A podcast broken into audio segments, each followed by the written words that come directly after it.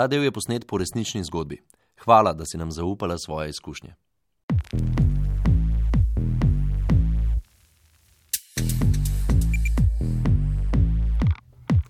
Živijo, jaz sem Eva. In jaz sem Luka. Preizkušava novo raziskovalno metodo. Vstopiva v telo drugega in Odkrivava misli, želje, potrebe, občutiva dotike, vonje, okuse eden od naju gre torej na teren, na teren. drugi pa razišče, kaj pravijo strokovnjaki. Nekakšno opazovanje z udeležbo. Kaj raziskujeva? Seks. Evolucija užitka. Podcast prvega programa Radia Slovenija.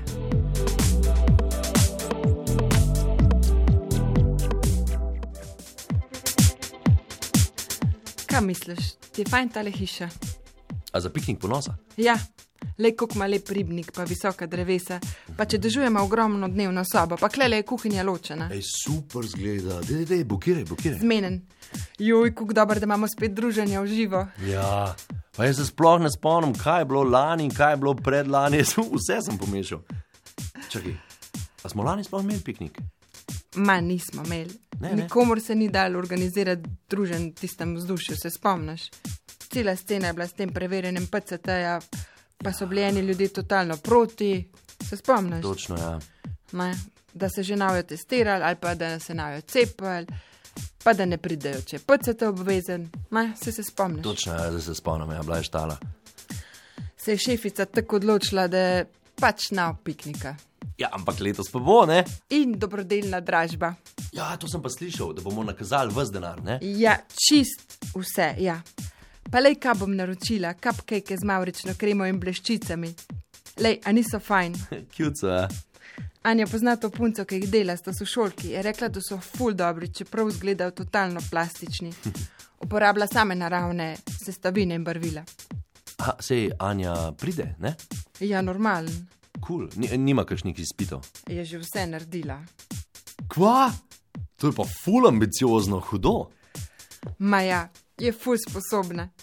To mi je tako seksi, kadar kaj razlaga, ker je res artikulirana in mirna, ampak, a veš, mm. istočasno ful samozavestna. Ja, ja. In polke jo tako gledam in si rečem, wow, ona je moja punca. Kako noro, da si je mene zbrala, a veš, da sem tudi jaz ne všeč. Tako se počutim, kot da sem zadela na lotu. Ej, tudi ona je zadela na loto, veš, tudi ona. A veš, da greva za celo poletje na morje? A na Majorko, v tisto njihovo hišo? Ja, Julija bova tam z njenimi, avgusta bova pa čist sami. Hudo. Ja, jaz bom mal delala nadaljavo, mal bom frej, a veš, ona se bo potapljala, lovila hobotence. Uh -huh. Ob večerjih bova pa na terasi pili gin tonik in gledali sončni zahod. Ali pa boš šli v mesto, mogoče plesati. Oh, pa to bo tako kot v filmu. Ja, tam je čist drugače, res va lahko tako sproščeni. Bo kar težko prijeti nazaj. Kaj pa če bi se tja preselili? Ma ne vem, na to sploh še nisem pomislila. Skrb živiva šele eno leto, Anja mora faks končati, tukaj imava družino, prijatelje, težko kar šli. Ok, še dober, ker jaz bi te ful pogrešal. Kak si smoten, ma ne grem nikamor. Lej, odgovorili so mi, Kaj pravijo? čakaj. Uf, hiša je naša! Da, best, hudo. Živijo, jaz sem Vesna, stara sem 24 let, živim in delam v Ljubljan, z mojo punco Anjo hodva leto in pol. Ful je čuden, ker se mi zdi, da sva skup šele kak mesec, po drugi strani imam pa občutek, da se poznava že cel življenje. Super se mava, o vsem se lahko pogovarjava, vse si lahko poveva, tudi to, kaj kjeri paše, o čem uživa, kaj jo vzburja. In pol je užitek še večji. To meni ni samo umevno, ta odprt odnos do telesa in seksa. Prihajam iz mehne vasi iz Gorne Savinske doline. To je tako zelo zaprto okolje, zelo tradicionalno. Služb za ženske mal, če hodijo v službo, so slabš plačane, kot moški. ženska je manj vredna, njeno mesto je doma, kjer kuha, pospravlja in skrbi za otroke. Miselnost je še zelo nazadnjaška. Moški visijo za šankom, pijajo in se hvalijo, koliko jih je kater podaril. Pa če ženska rada seksa, je takoj kurba. Nažalost je še vedno tak.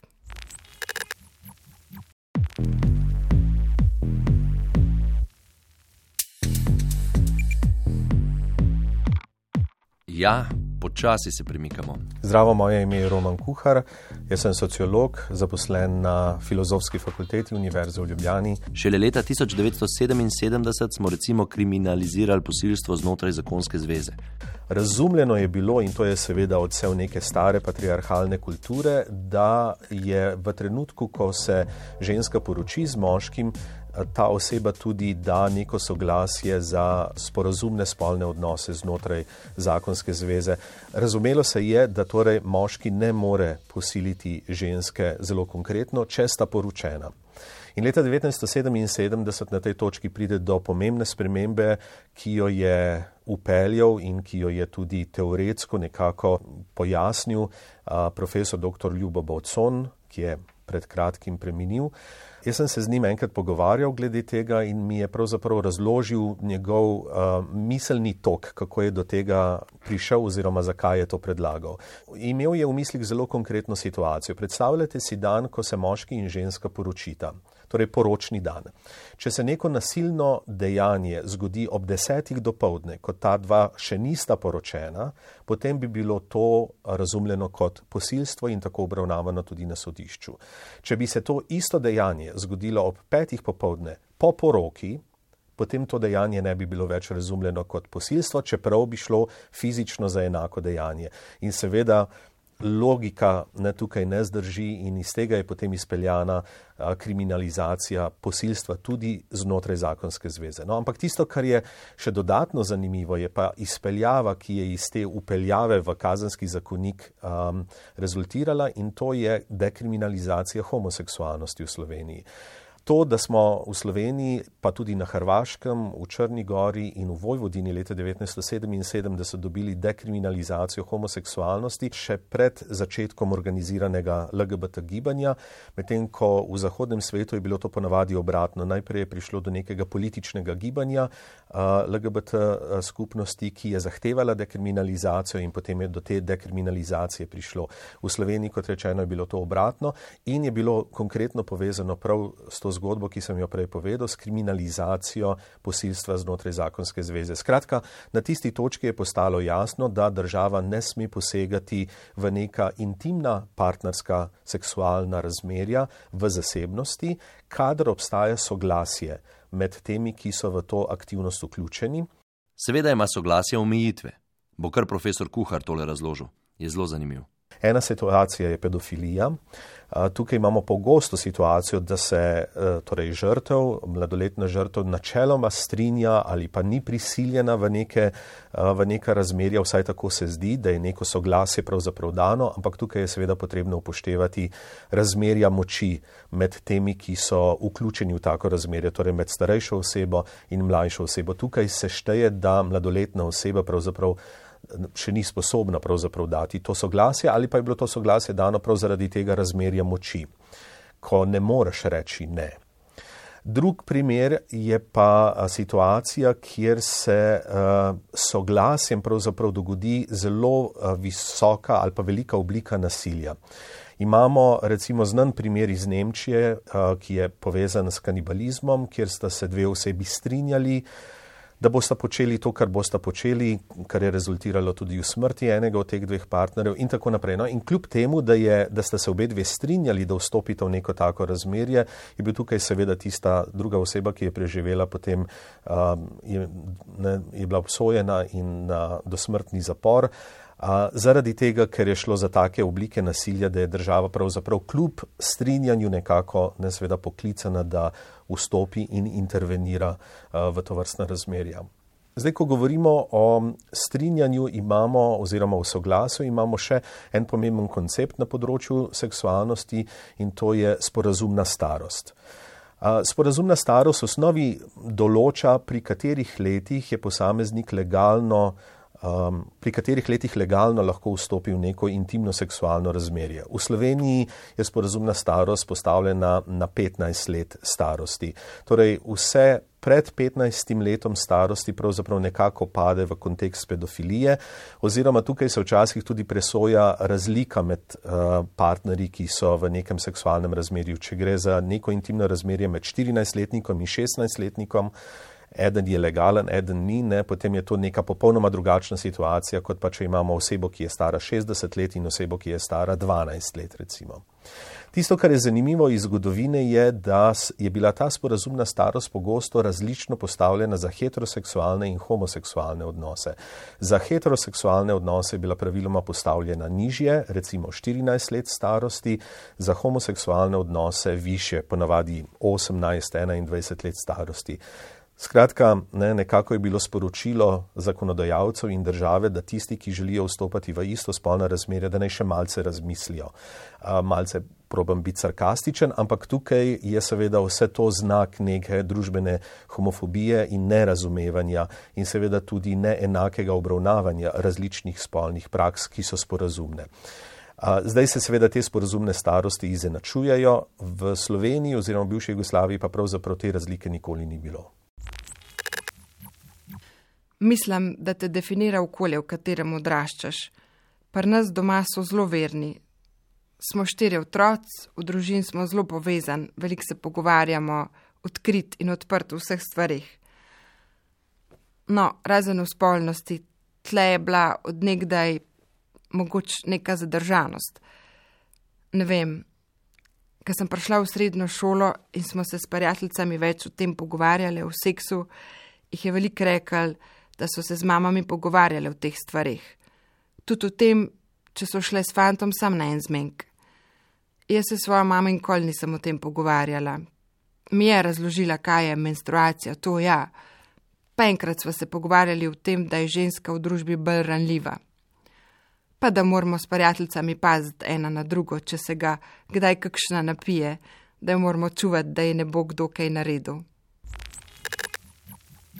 Ginekologinja, sociologinja in seksologinja dr. Gabriela Simetinger pravi, da je ženski užitek tabu povsod, ne le v zgornji Savinski dolini. Pa kako? Kaj pa liberalna, permisivna seksualna kultura? A ta ne predpostavlja, da tudi ženska v seksu uživa? Kultura zahteva od ženske orgazem, ne užitek. Aha, to ni isto. Doktorica Simetinger pravi, da je patriarhalen pogled na žensko seksualnost kljub liberalizaciji še vedno močno prisoten zato ženske kdaj pa kdaj zaigrajo orgazem.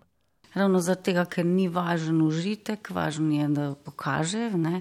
Čist pomankanje tega osnove, kaj bi rekla, ABC feminizma. Ne? To je moje telo, to si dovolim, v tem uživam, to si ne dovolim, ker mi ni ok, da znaš sploh to povedati. Verjamem, da se imajo radi, ampak hkrati v, v zadju je ta strah neka. Eh, spet neki mit, da moški pa bolj rabijo seks, pa moškemu je pa to bolj pomembno, pa moški bo šel, če ne bom ne, na tak način in uh, v bistvu ne izražajo sebe, gli zaradi tega, ker se bojijo za odnose. Pa pa nekako to spoznavno obdobje pa mine, pa pa prideš v neke ustaljene ternice, ki jih pa pa ne moš več spremeniti, ki pa jih potek težko spremeniš.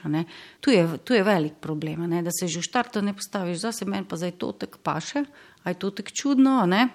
Sej, uh, treba se izmeniti, se ni problem, se na neki stvari ti je ok, tudi pristaneš, vse ti je v redu, pa včasih pa lahko tudi, se bi pa jaz pa poskusila na tak način, oziroma a mi lahko to narediš.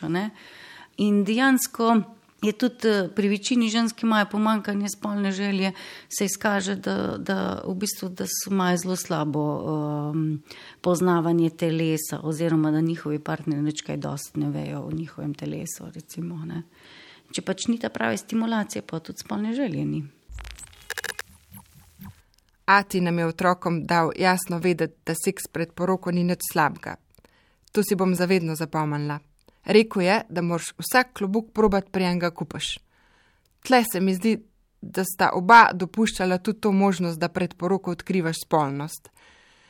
Sicer sta bila zelo tradicionalna, skupaj sta lah sam fant pa punca, pa morata se poročiti v cerkvi, ampak glede seksa pred poroko sta pa bila kar napredna. Verjeten sta sama imela to izkušnjo, da je pomemben, da se tudi na tem področju s partnerjem ujameš. Mogoče je zato meni tudi zelo pomembno, da se tudi v spolnosti ujameš z osebo in da skup odkrivaš, kaj ti v določenem obdobju paše.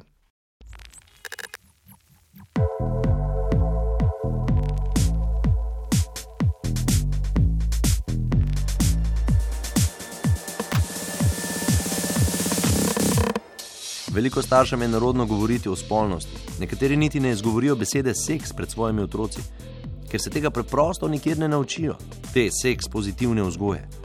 Bo več o tem povedala Katja Brečko, Zavoda za izobraževanje o odraščanju, odnosih, spolu in spolnosti. Jaz in ti mi. Dobro je v bistvu, da z otrokom že od rojstva začenjamo govoriti o teh stvarih. Uh, naprimer, že čisto, ko so par let stari, sprašujejo, zakaj nima sestrica lulčka ali pa da odreagiramo pravilno na morebitno masturbacijo malčka, ki se pojavlja zelo zgodaj, predvsem takrat, ko grejo spat in ugotovijo, da so jim ti dotiki prijetni, da znamo odreagirati na prijeten način, ne eksplozivno kaznujoče. Pomembno je potem tudi, da ko že otroka previjamo, recimo govorimo, sedaj bo dala dol plenico, se te bom dotaknil, bova obrisala, da otrok ve, kaj se dogaja in potem v bistvu začnemo graditi uh, o pogovoru o prijetnih in neprijetnih dotikih se pravi, kje se nas druga oseba lahko dotika, kje se lahko mi dotaknemo druge osebe. Potem pa je v bistvu že, ko so mali otroci, veliko krat naredimo tako, da jih silimo v objeme poljubljanja starejših oziroma odraslih, ker se nam zdi, da je to prijazno, ampak uh, zagotovo to delamo dobro namerno in nezavedno. Otroci se temu upirajo uh, in je pomembno, da takrat že prisluhnemo otroku, da ni potrebe, da se usede vsakemu na ročje, da objema v pozdrav. Uh, potem pa v bistvu več čas gradimo in uh, otroku kupimo kakšno knjigo, si jo izposodimo, najprej se pravi o puberteti, o spoznavanju lastnega telesa, potem pa da začnemo graditi tudi na odnosih z drugimi, uh, spolnosti. V šoli smo imeli spolno vzgojo šele v devetem razredu. Seveda so omenjali le odnos med moškim in žensko. Ena starejša gospa je predavala o tem, kako se je treba zaščititi, kakšne so možnosti, da preprečiš okužbo ali nosečnost.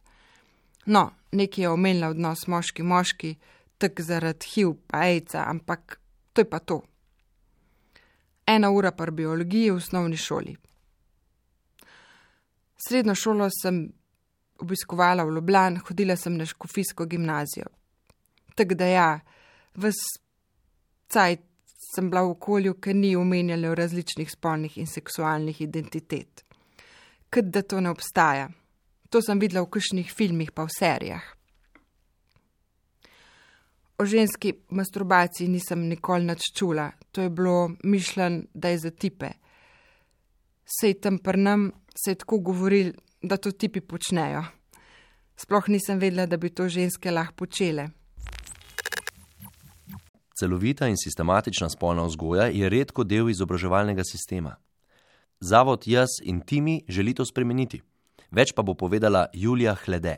Z besedo celovita se nanašamo predvsem na to, da moramo zaobjeti v neke razlage, v obravnavo raznih tem, tako medicinski, torej ta biološki vidik, to je recimo tudi nekaj, kar uh, večinoma šole predajo svojim učencem, učenkam preko pouka uh, biologije, in pa k temu moramo dodati torej še ta psihološki vidik.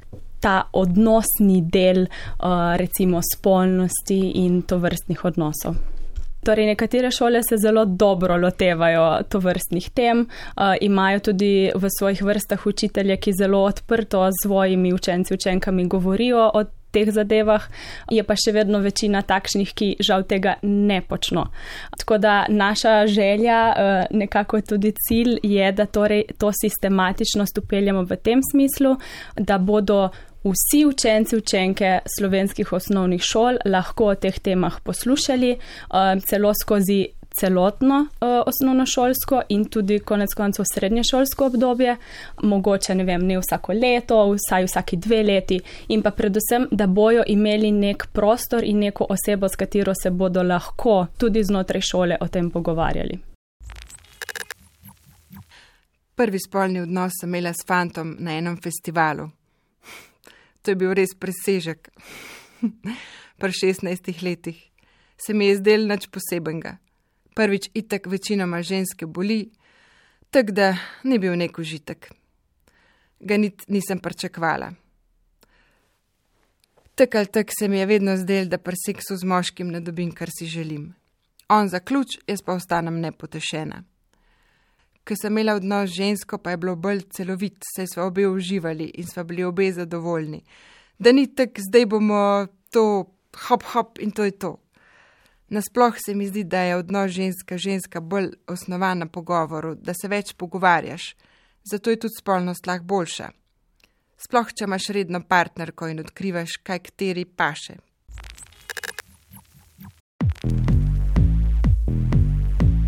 V društvu Kvartir so upravili raziskavo o spolnem zdravju in spolnih praksah lezbik, biseksualk, transspolnih in interspolnih oseb v Sloveniji. Raziskovalke poudarjajo, da je za seksualne manjšine velik problem necelovita in nesistematična spolna vzgoja v šolah. Boste več povedali raziskovalki Ada Črnoša in Vanja Hreščak. Če ljudje ne vejo, zakaj bi se morali zaščititi, kako bi se morali zaščititi, um, kdaj, potem pač tega ne bojo storili. Um, tudi če bi morda drugače, če bi poznali tveganje, ravnali drugače. Tako da pač po eni strani to, je to čisto zdravstveno vprašanje, po drugi strani so pa naše anketiranke izpostavile. Um, tudi neko marginalizacijo na simbolni ravni, kar se tiče spolne vzgoje. Ena anketiranka je recimo rekla, da spolna vzgoja ponovadi v šoli pride v obdobju, ko odkrivaš svojo spolno usmerjenost in iščeš potrditev v zunanjem okolju, nekako da bo vse ok, da s tabo ni nič narobe, in potem pride do spolne vzgoje, kjer ti. Pouk, da vedeti, da aha, okay, ti pa si izključena iz neke te predstave o tem, kaj je normalno. Um, kar pomeni, da je pomankanje eh, znanja, um, težave v zdravju in po drugi strani tudi nekako čisto simbolno izključitev um, iz družbe.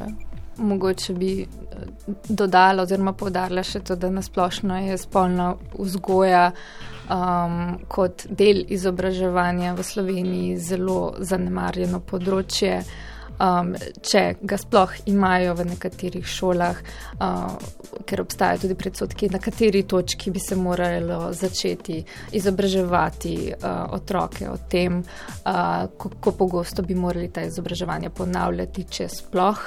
Uh, in um, to je, mislim, da splošni slovenski problem, uh, da ne omenjam sploh tega, da če že imajo uh, izobraževanje o zdravi spolnosti, je 90% uh, vsebin posvečeno preprečevanju nosečnosti uh, in absolutno samo heteronormativnim spolnim odnosom. To prizadene še posebej LGBT populacijo, ampak hkrati po drugi strani veliko stvari, o katerih mi tukaj govorimo, bi bilo relevantnih tudi za splošno populacijo, kar pomeni, da če govorimo samo o preprečevanju zanositve, to vodi v težave za vse, ne samo za LGBT osebe. Če se že moram mogoče dati v neko kver, potem sem panseksualka. Tist, kar me privlač, je oseba, ne spol. To sem začela odkrivati v srednji šoli. Čist slučajen se je zgodil. Šla sem na eno žurko, bili smo pijani, plesali smo. Tak in med plesom sva se z eno punco poljubili. Najprej sem se zanikala, da je to nekaj, kar mi všeč, ampak vsem sem pa veliko začela hoditi na žurke, kjer bi se lahko tega zgodil. Mislim, da je bila dolg to neka fasada, da sem prikrivala, kaj me v resnici privlač.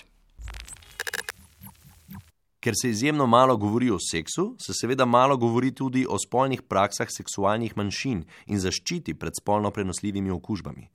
Kot razlaga Vanja Hreščak, je raziskava Moja roka, tvoja roka, ki so jo upravili v društvu Kvartir, pokazala, da anketiranke poznajo predvsem kondom. Drugih oblik zaščite pa ne toliko, ker smo jim dali odprti tip vprašanja, da pač naj naštejejo vse oblike zaščite, ki jih poznajo. In uh, kondom je bil daleč najpogostejša, so pa seveda omenile tudi druge oblike, ampak to je bilo redko. Recimo uh, prozorne folije za zaščito pred oralnem seksu. Jih je omenilo ena četrtina. ena četrtina, ja. potem se je pa počasi že malo končalo. Se pravi, pač eh, dojemanje penisa kot eh, edina, dajmo temu reči, grožnja za spolno prenosljive okužbe je pač škodljiva iz večjih vedikov. Nihče ne pomisli, da če pa penis ni vključen, da se sploh potrebno kakorkoli zaščititi. Pa v spolni vzgoji pri nas je tudi pretežno povdarek na preprečitvah zanositve in ne toliko preprečitve pred spolno prenosljivimi okužbami. In potem, če pač ni penisa kot vir, semenčec, ki te lahko plodijo, sploh ne pomislijo, da bi um, lahko uporabili zaščito. To, to je zelo problematično, ker so spolno prenosljive okužbe še bolj prenosljive, recimo pri analnem seksu, pri oralnem nekoliko manj, ampak še vedno so in tudi samo z dotiki. Uh, tako da definitivno zanemarjamo vse, kar ne vključuje penisa. Tudi Ada Črnoša pravi, da se poznavanje heteronormativne spolnosti in oblik zaščite prenese neposredno v prakso. To, kar so naše anketirake poznale, to so uporabljale. In večinoma so se zaščitile, tako kot je Vanja rekla, pri oblikah spolnosti, ki so podobne heteroseksualnim odnosom. Pri vseh ostalih oblikah spolnosti, tudi če jih prakticirajo veliko bolj pogosto, najpogostejša druga oblika zaščite, poleg kondoma, ki so jo navedle, je bila folija iz lateksa, ki se uporablja pri oralnih odnosih na vulvi ali na anusu. Um, in to je tema, ki je relevantna ne samo pri lezbičnih odnosih, ampak tudi pri vseh ostalih oralnih odnosih. Um, zato, ker kot je že Vanja omenila, pač je tveganje tu sicer manjše, ampak ni pa neobstoječe. In problem je, da če ljudje ne poznajo tveganja, um, ne bodo vedeli, kdaj se morajo zaščititi, bojo imeli odnose, za katere sploh ne vejo, da so bolj tvegani od njihovih pričakovanj, ne znajo se izogniti tveganju, recimo ne grejo se testirati, ker ne vejo, da so imeli tvegan spolni odnos. Kot je Vanja rekla, obstaja možnost za prenos tudi samo z dotikom. Nekatere anketiranke so kot možnost zaščite navedle tudi rokavice, lahko pa se tu nanesemo tudi na naslov um, raziskave Moja roka, tvoja roka, ki je citat od ene izmed anketirank, ki je na ta način, se pravi Moja roka, tvoja roka, opisala obliko spolnosti, kjer vsaka roka priteče enim genitalijam, kar pomeni, da ne pride do prenosa potencijalne okužbe. Sama sabo sem imela veliko pogovorov o tem, kdo sem in kaj čutim enih stvari si mogoče nisem zares priznala. Na faksu pa sem zbolela za rakom. Pa me je onkologinja poslala k ginekologinji na pregled, ker kemoterapija lahko povzroči neplodnost. No, in sem šla takrat prvič na pregled, da so vse preverili. Zanimali jih je, če se bom odločila za zamrznitev jajčnih celic. Takrat je bil to zame res full velik stres ker sama pri sebi nisem vedela, kaj naj zdaj naredim. Res se mi je bilo težko odločiti, kak naprej, in se nisem nič odločila, pa tudi časa ni bilo, ker se je moje telo takrat itak spopadalo z drugimi stvarmi. Zato smo pohiteli zdravljenjem in sem začela s kemoterapijami. Ta ginekologinja na Leonišču je bila res super. Zaradi kemoterapije sem imela zelo kratke cikle menstruacij, zato sem na štiri mesece hodila k njej, da mi je imala brise. Potem, ko je rekla, da ni nič nenavadnega, da je vse ok, mi je pa rekla, da ne more sprejemati novih pacijentov. Zato sem si morala poiskati drugo ginekologinjo in tam sem potem tudi pogosto hodila, sem imela neke strtke in to potem kar zelo boli. Tak, da mi je predpisala hormonsko zdravljenje in stvari so se uredile. No, zdaj pa priznam, zdaj pa res že eno leto nisem bila prnej.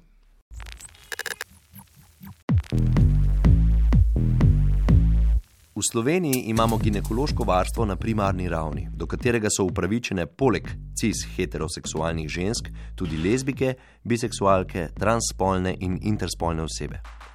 Raziskava Moja roka, tvoja roka je ovrgla anekdotska pričevanja, da naj bi se te osebe pri ginekoloških pregledih srečevale s homofobijo, ter da naj bi se jih v celoti izogibale bo razložila Vanja Hreščak iz Društva Kvartir. Slišali smo naprimer zgodbe, um, da se jim pregled zavrne, ker naj ne bi prakticirale prave spolnosti ali da se zaradi strahu pred uh, homofobijo in pregled tako celoti izognejo. Uh, in želeli smo preveriti, kako pogosto se to dogaja, ali tako pogosto kot zveni na prvo žogo, ali je mogoče to redkeje, uh, ker nismo želeli pokrivem uh, obtožiti kogarkoli. Hkrati smo pa izkoristili to prenosnost, da bi zbrali še podatke o drugih uh, za ginekološko skrbo uh, in spolnim zdravjem povezanih um, informacijah ker pač tudi tega še nihče pri nas uh, ni raziskoval. Torej, um, če začnem, bistveno vprašanje, ki so nas zanimala, so bila, kako je z obiski pri ginekologinji in kakšna je zaveščenost o spolno prenosljivih okužbah.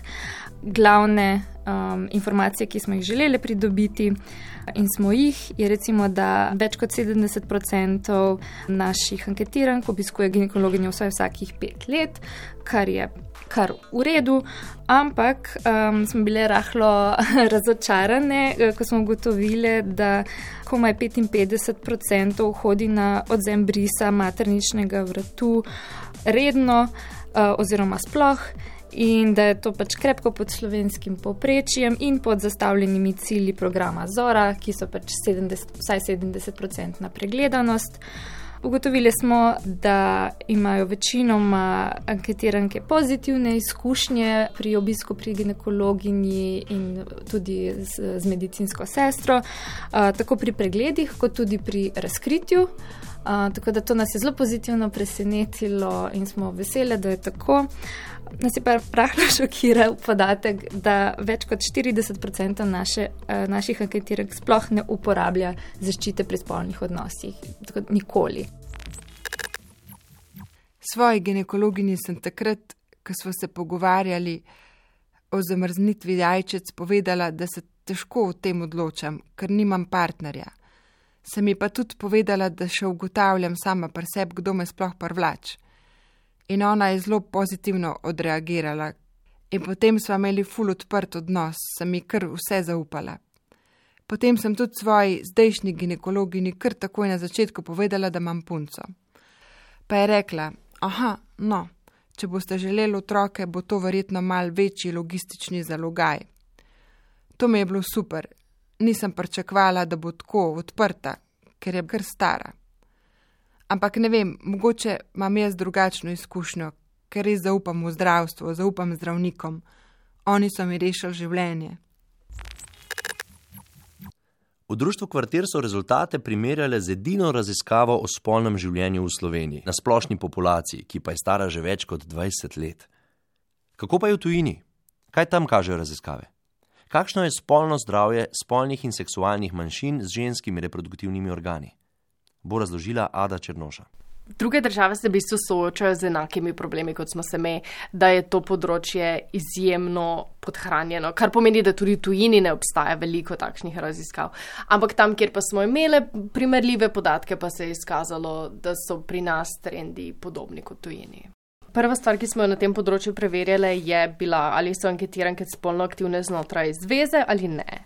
In tukaj se je izkazalo, da jih je polovica v monogamni zvezi, petina jih ni spolno aktivnih, potem pa so bili še manjši deleži, ki so spolno aktivni ali znotraj nemonogamne zveze, se pravi recimo odprte zveze um, ali pa prakticirajo priložnostne spolne odnose ko smo razdelili rezultate po spolni usmerjenosti na lesbike in biseksualke, se nam je tudi tukaj pokazala razlika in sicer, da so lesbike zelo večinsko v monogamni zvezi, pri biseksualkah pa so bili rezultati veliko bolj enakomerno porazdeljeni med vsemi možnimi kategorijami.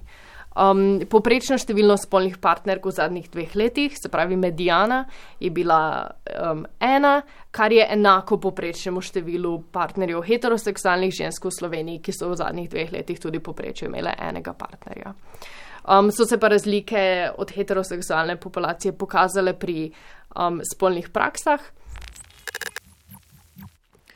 Za njo ima res super odnos Ampak se mi zdi, da mogoče imamo mi dve ful bolj iskren odnos, ki ima moja prijateljica s svojimi fanti.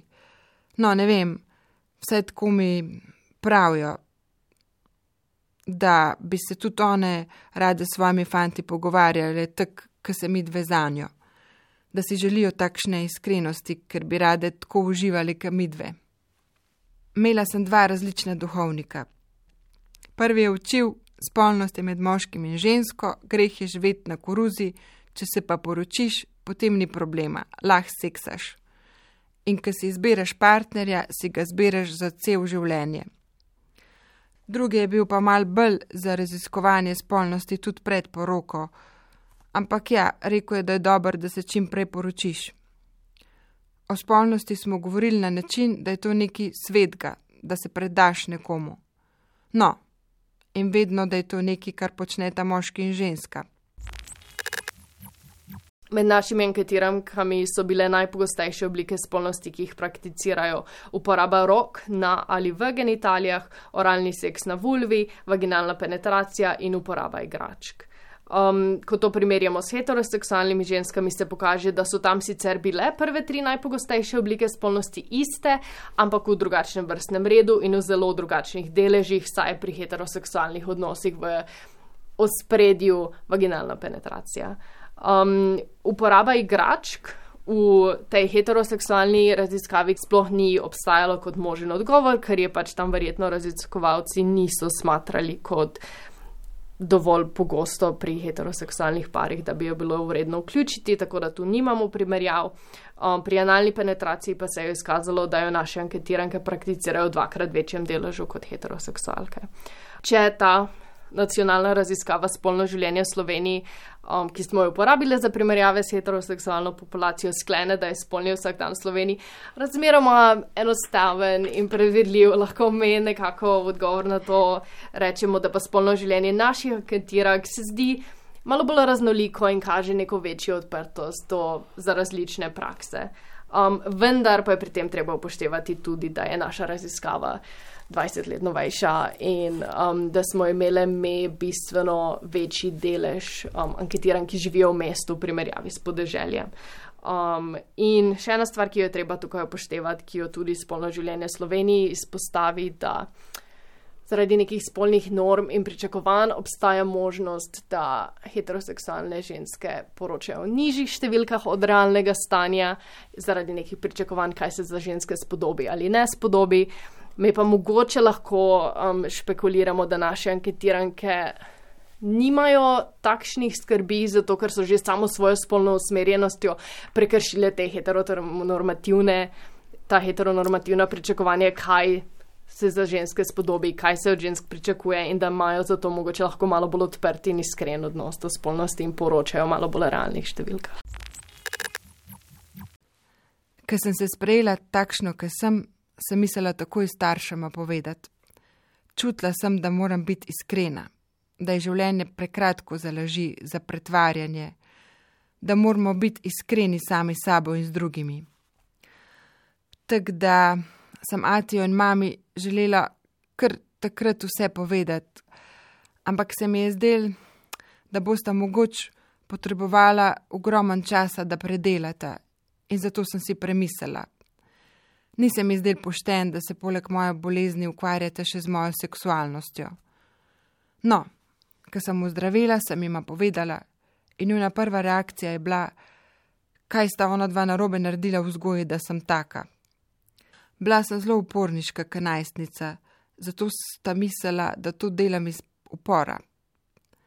S punco sva skupaj eno leto in pol in sem jo tudi parpelala domov, ker je imela sestra poroko. No, in je bilo to spet ena velika stvar, kako bodo to sprejeli in kaj bodo rekli. Mogoče je bilo naša dva sram, bi rekla, ker imamo nasploh veliko družino in na poroki je bilo veliko sorodnikov in drugih ljudi, ki so bili zelo kmečko in tradicionalno vzgojen.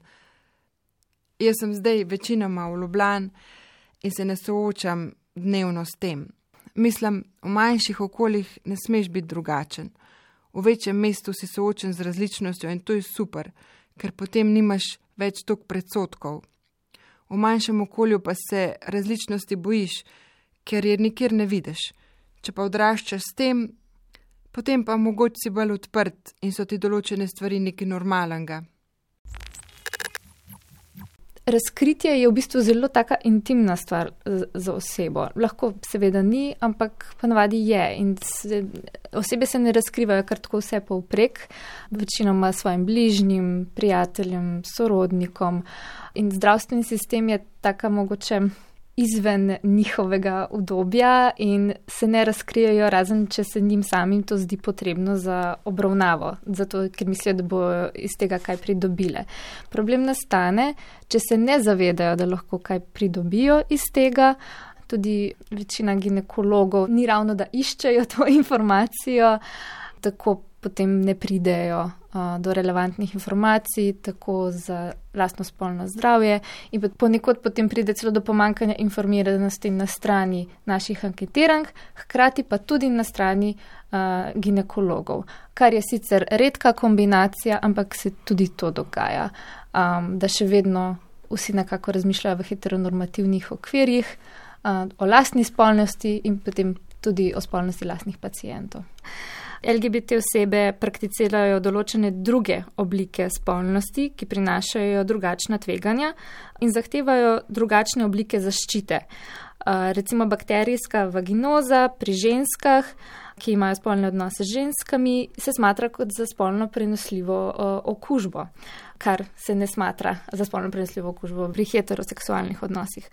To so čisto logični vidiki, ne? obstajajo pa še uh, družbeni, uh, ker pač velik del spolne vzgoje pri nas um, osredotoča na preprečitev zanositve.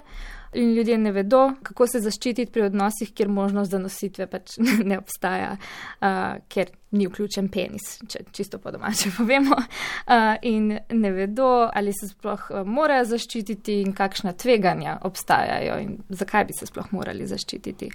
Potem pa seveda skupaj z identiteto obstaja tudi strah pred razkritjem zdravstvenemu osebju. In če naprimer lezbika ali biseksualka ginekologinji ne razkrije svoje spolne usmerjenosti, um, potem morda ne bo dobila oskrbe na svetu informacij, ki bi bile relevantne za njeno spolno zdravje. Po zdravljenju sem šla spet na pregled plodnosti. Vse je ok.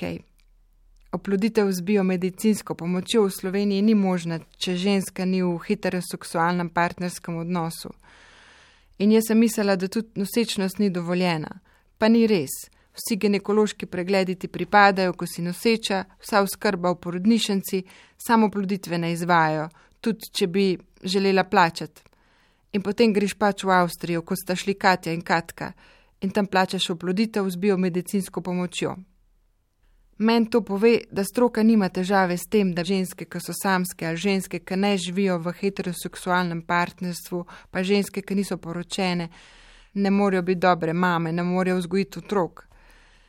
In tukaj to ni pravičen, ni pošten, da je tako tak pri nas v Sloveniji.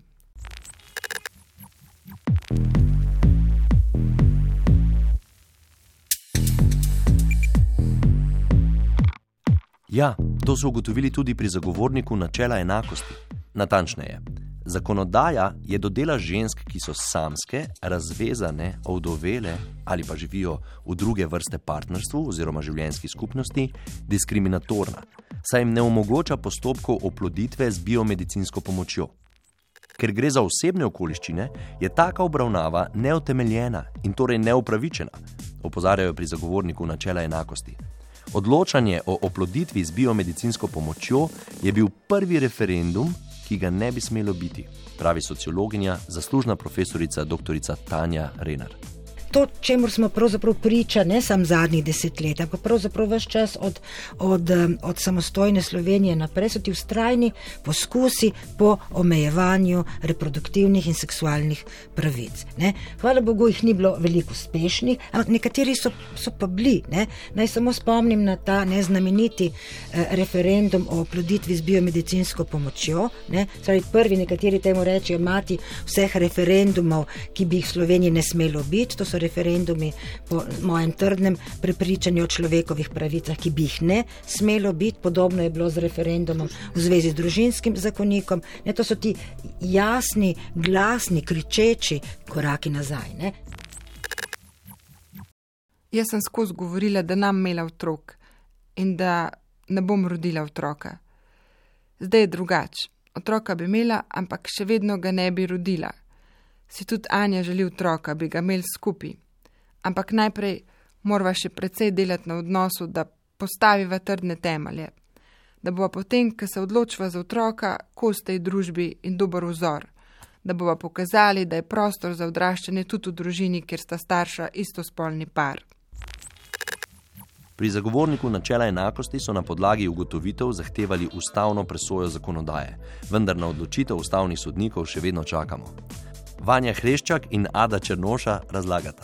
Ja, jaz se strinjam, da so pravilno ugotovili in mi vsekakor podpiramo, da se to premakne naprej. Um, težko zares karkoli dodatnega pripomnem, zato ker dejstvo je, da gre za diskriminacijo. Uh, dejstvo je, da je bilo večkrat ugotovljeno, da tudi psihologi so podali mnenja, da uh, isto uh, spolni pari nič slabše ne skrbijo za otroke, oziroma to, da primankuje eden od staršev, se pravi, da ni moškega in ženske v tej skupnosti, nikakor ne vpliva na vzgojo otrok. Torej, ne vidim razloga, zakaj recimo lezbičnim parom ne bi bila omogočena oploditev z biomedicinsko pomočjo ampak gre tukaj za diskriminacijo, predsotke in uh, da sploh ne omenjamo uh, vseh mam samohranilk, ki jim herojsko uspejo vzgajati svoje otroke in bi jim nedvomno to tudi uspelo, če bi že v štartu bilo tako. Um, tako da tukaj mora Slovenija še veliko narediti. Problem tukaj je tudi, da nekako podobno kot pri spolni vzgoji se tudi tu dogaja razlika med tem, kar obstaja v teoriji in kar obstaja v praksi. Se pravi, samske ženske in istospolni pari imajo otroke. Ljudje prakticirajo oblike spolnosti, v katerih, ki niso omenjene v spolni vzgoji. Se pravi, samo zato, ker nekaj ne obstaja na papirju, ne pomeni, da se ne dogaja v praksi. Um, in tukaj potem prihaja do problemov, kjer določene oblike družin niso prepoznane, če čeprav obstajajo, ali pa so prepoznane glede na to, kakšne volje je oseba na upravni enoti tistega dne ali pa medicinska sestra.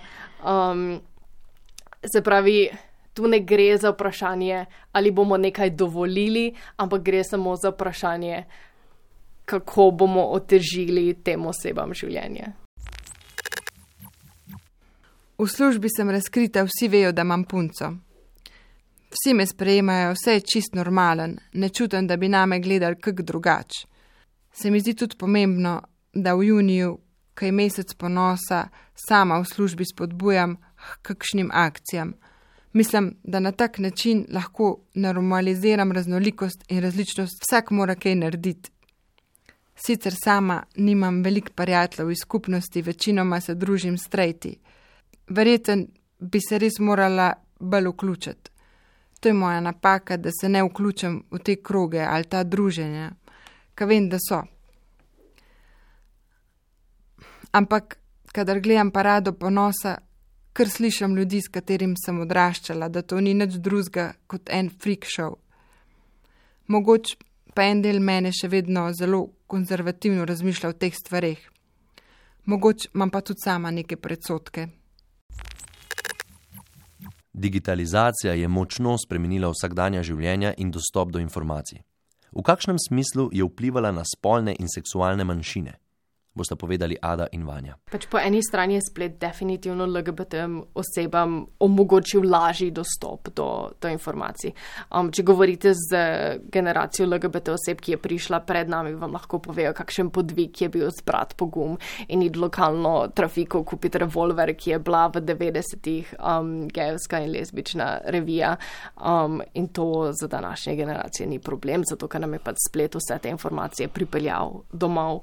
Um, in to je še posebej pomembno za mlade in za osebe z podeželja, ki imajo um, težji dostop do skupnosti. Recimo tudi v naši raziskavi se je dokaz, eh, pokazalo, da um, obstaja razlika med LGBT osebami iz podeželja in tistimi iz mesta, da recimo tiste iz podeželja manj hodijo ginekologinji.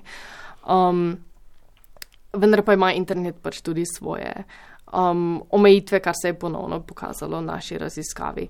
Ker pač LGBT spolna vzgoja ni vključena v spolno vzgojo v šolah in ker po drugi strani tudi nevladne organizacije ne delujejo na področju lezbičnega spolnega zdravja. Um, ljudje tega področja ne poznajo, čeprav v teoriji obstaja o tem veliko informacij na spletu in bi jih lahko same našle.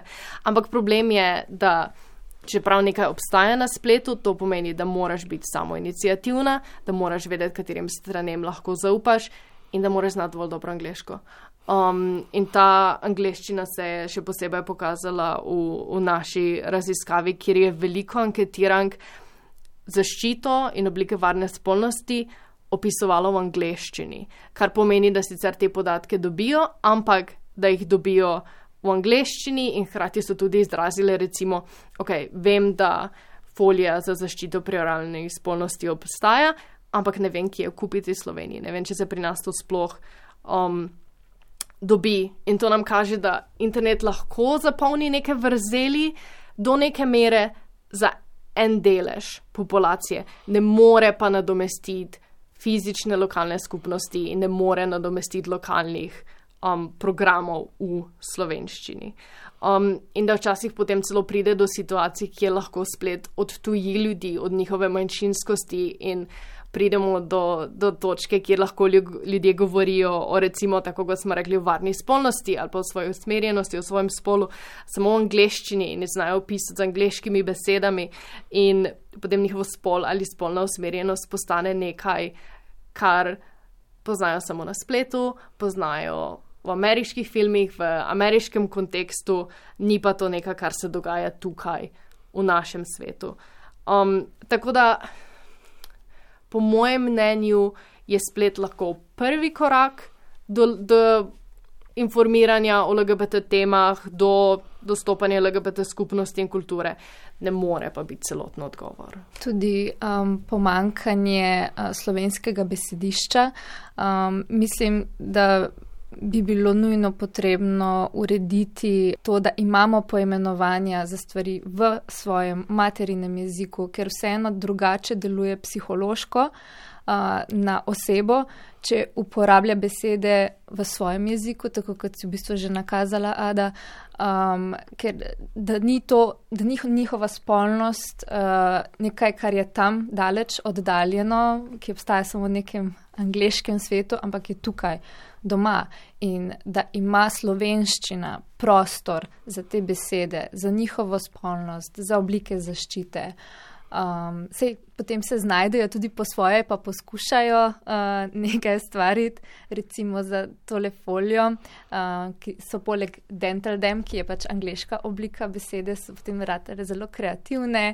Um, ne vem, če se prav mislim, da je bila folija za pičko, pa folija uh, za na jezik, pač ne vem, kako se ji reče. Ja, krpica iz lateksa.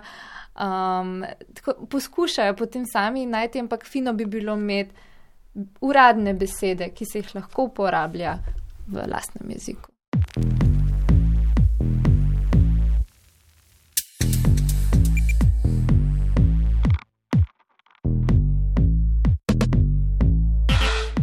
Ej, Luka, živijo. Kaj pa mi dva, kaj? Ej, ja, ne vem, meni je to vse tako. Plesala sva. Ja. Bil si pri meni na večerji. Dej ne govori, ker še zdaj dobim smešek na usta, kaj mi reče. Ja, ne vem, bomo raziskovali druge telesa ali bomo tudi drug, drugega raziskovali tako. Wow, a to No, sej- aha, vsem- ni važno. Ne, se mi je všeč, da si tako No, direktna. sej sem, da veš. Wow, ok. Čistko mimo grede. No, Pomlad. ampak, Luka, juni je mesec ponosa. Res je.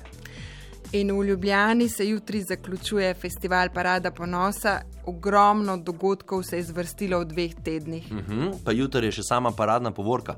protest LGBTIQA skupnosti in vseh oseb, ki podpirajo vidnost, enakopravnost in spoštovanje. A greva? Seveda greva, to sploh ni vprašanje, ker treba se boriti za demokratično družbo. Mhm. Za spoštovanje človekovih pravic, za spoštovanje ustave, za enakopravnost. Res je, Eva, nujno se je treba za to boriti. A veš, da sem full vesel, da si za to sezono predlagala raziskovanje spolnih, seksualnih in reproduktivnih pravic žensk. Res je treba o tem govoriti, le kaj se dogaja po svetu. Res grozen. A si ti poslušal novo epizodo podcasta na pravi strani? Mislim, to je grozljivka. Seveda sem, katastrofa, kam to gremo? Mislim, da ne res v deklino zgodbo, kot je rekla doktorica Renara, se spomniš? Meni pa še neki noro, da v primeru recimo prepovedi splava za rodku, plodu dajemo pravico, ki nima nobena oseba. In to je pravica, da brez soglasja uporabi telo drugega. Ja, to je zelo zanimiv argument. In le, ker ti nikogar ne moreš prisiliti, da svoje telo ali dele telesa namen drugemu, če tega ne želi. A je tako, ti človeka ne moreš prisiliti, da recimo daruje kri ali pa organ. Uh -huh. Le, niti mrtvim ne jemljemo organov brez soglasja, brez izjave o tem, da so darovalci organov. V primeru prepovedi splava pa osebi jemljemo pravico do odločanja o tem, ali bo ali ne bo ponudila svojega telesa v uporabo drugemu telesu. Mama dr. Jones, ameriška ginekologinja in porodničarka, ki ima svoj kanal na YouTubu, to ful dobro razloži. Ok, si bom pogledal, kako si rekla, mama dr. Jones. Tako, mama dr. Jones. Cool, cool. Kaj bova pa prihodnič? Raziskovala bova vulvodinijo. Ok, kaj pa to je? To pa je ponavljajoča se bolečina, srbečica in pekoč občutek pri spolnih odnosih. Um, vzrok so pa zakrčene mišice medeničnega dna. Ah, ok, zanimivo super. Eh, se pravi, ti greš na teren, jaz pa Gabi. Ne? Ja, peva. Peva. Ja, Luka, kaj bo vas zdaj? Ja, raziskovala na eni telesi. Ok. ne, don't talk, just touch. Ja, ne vem, jaz bi še kaj. Mi dva sva oba odrasla.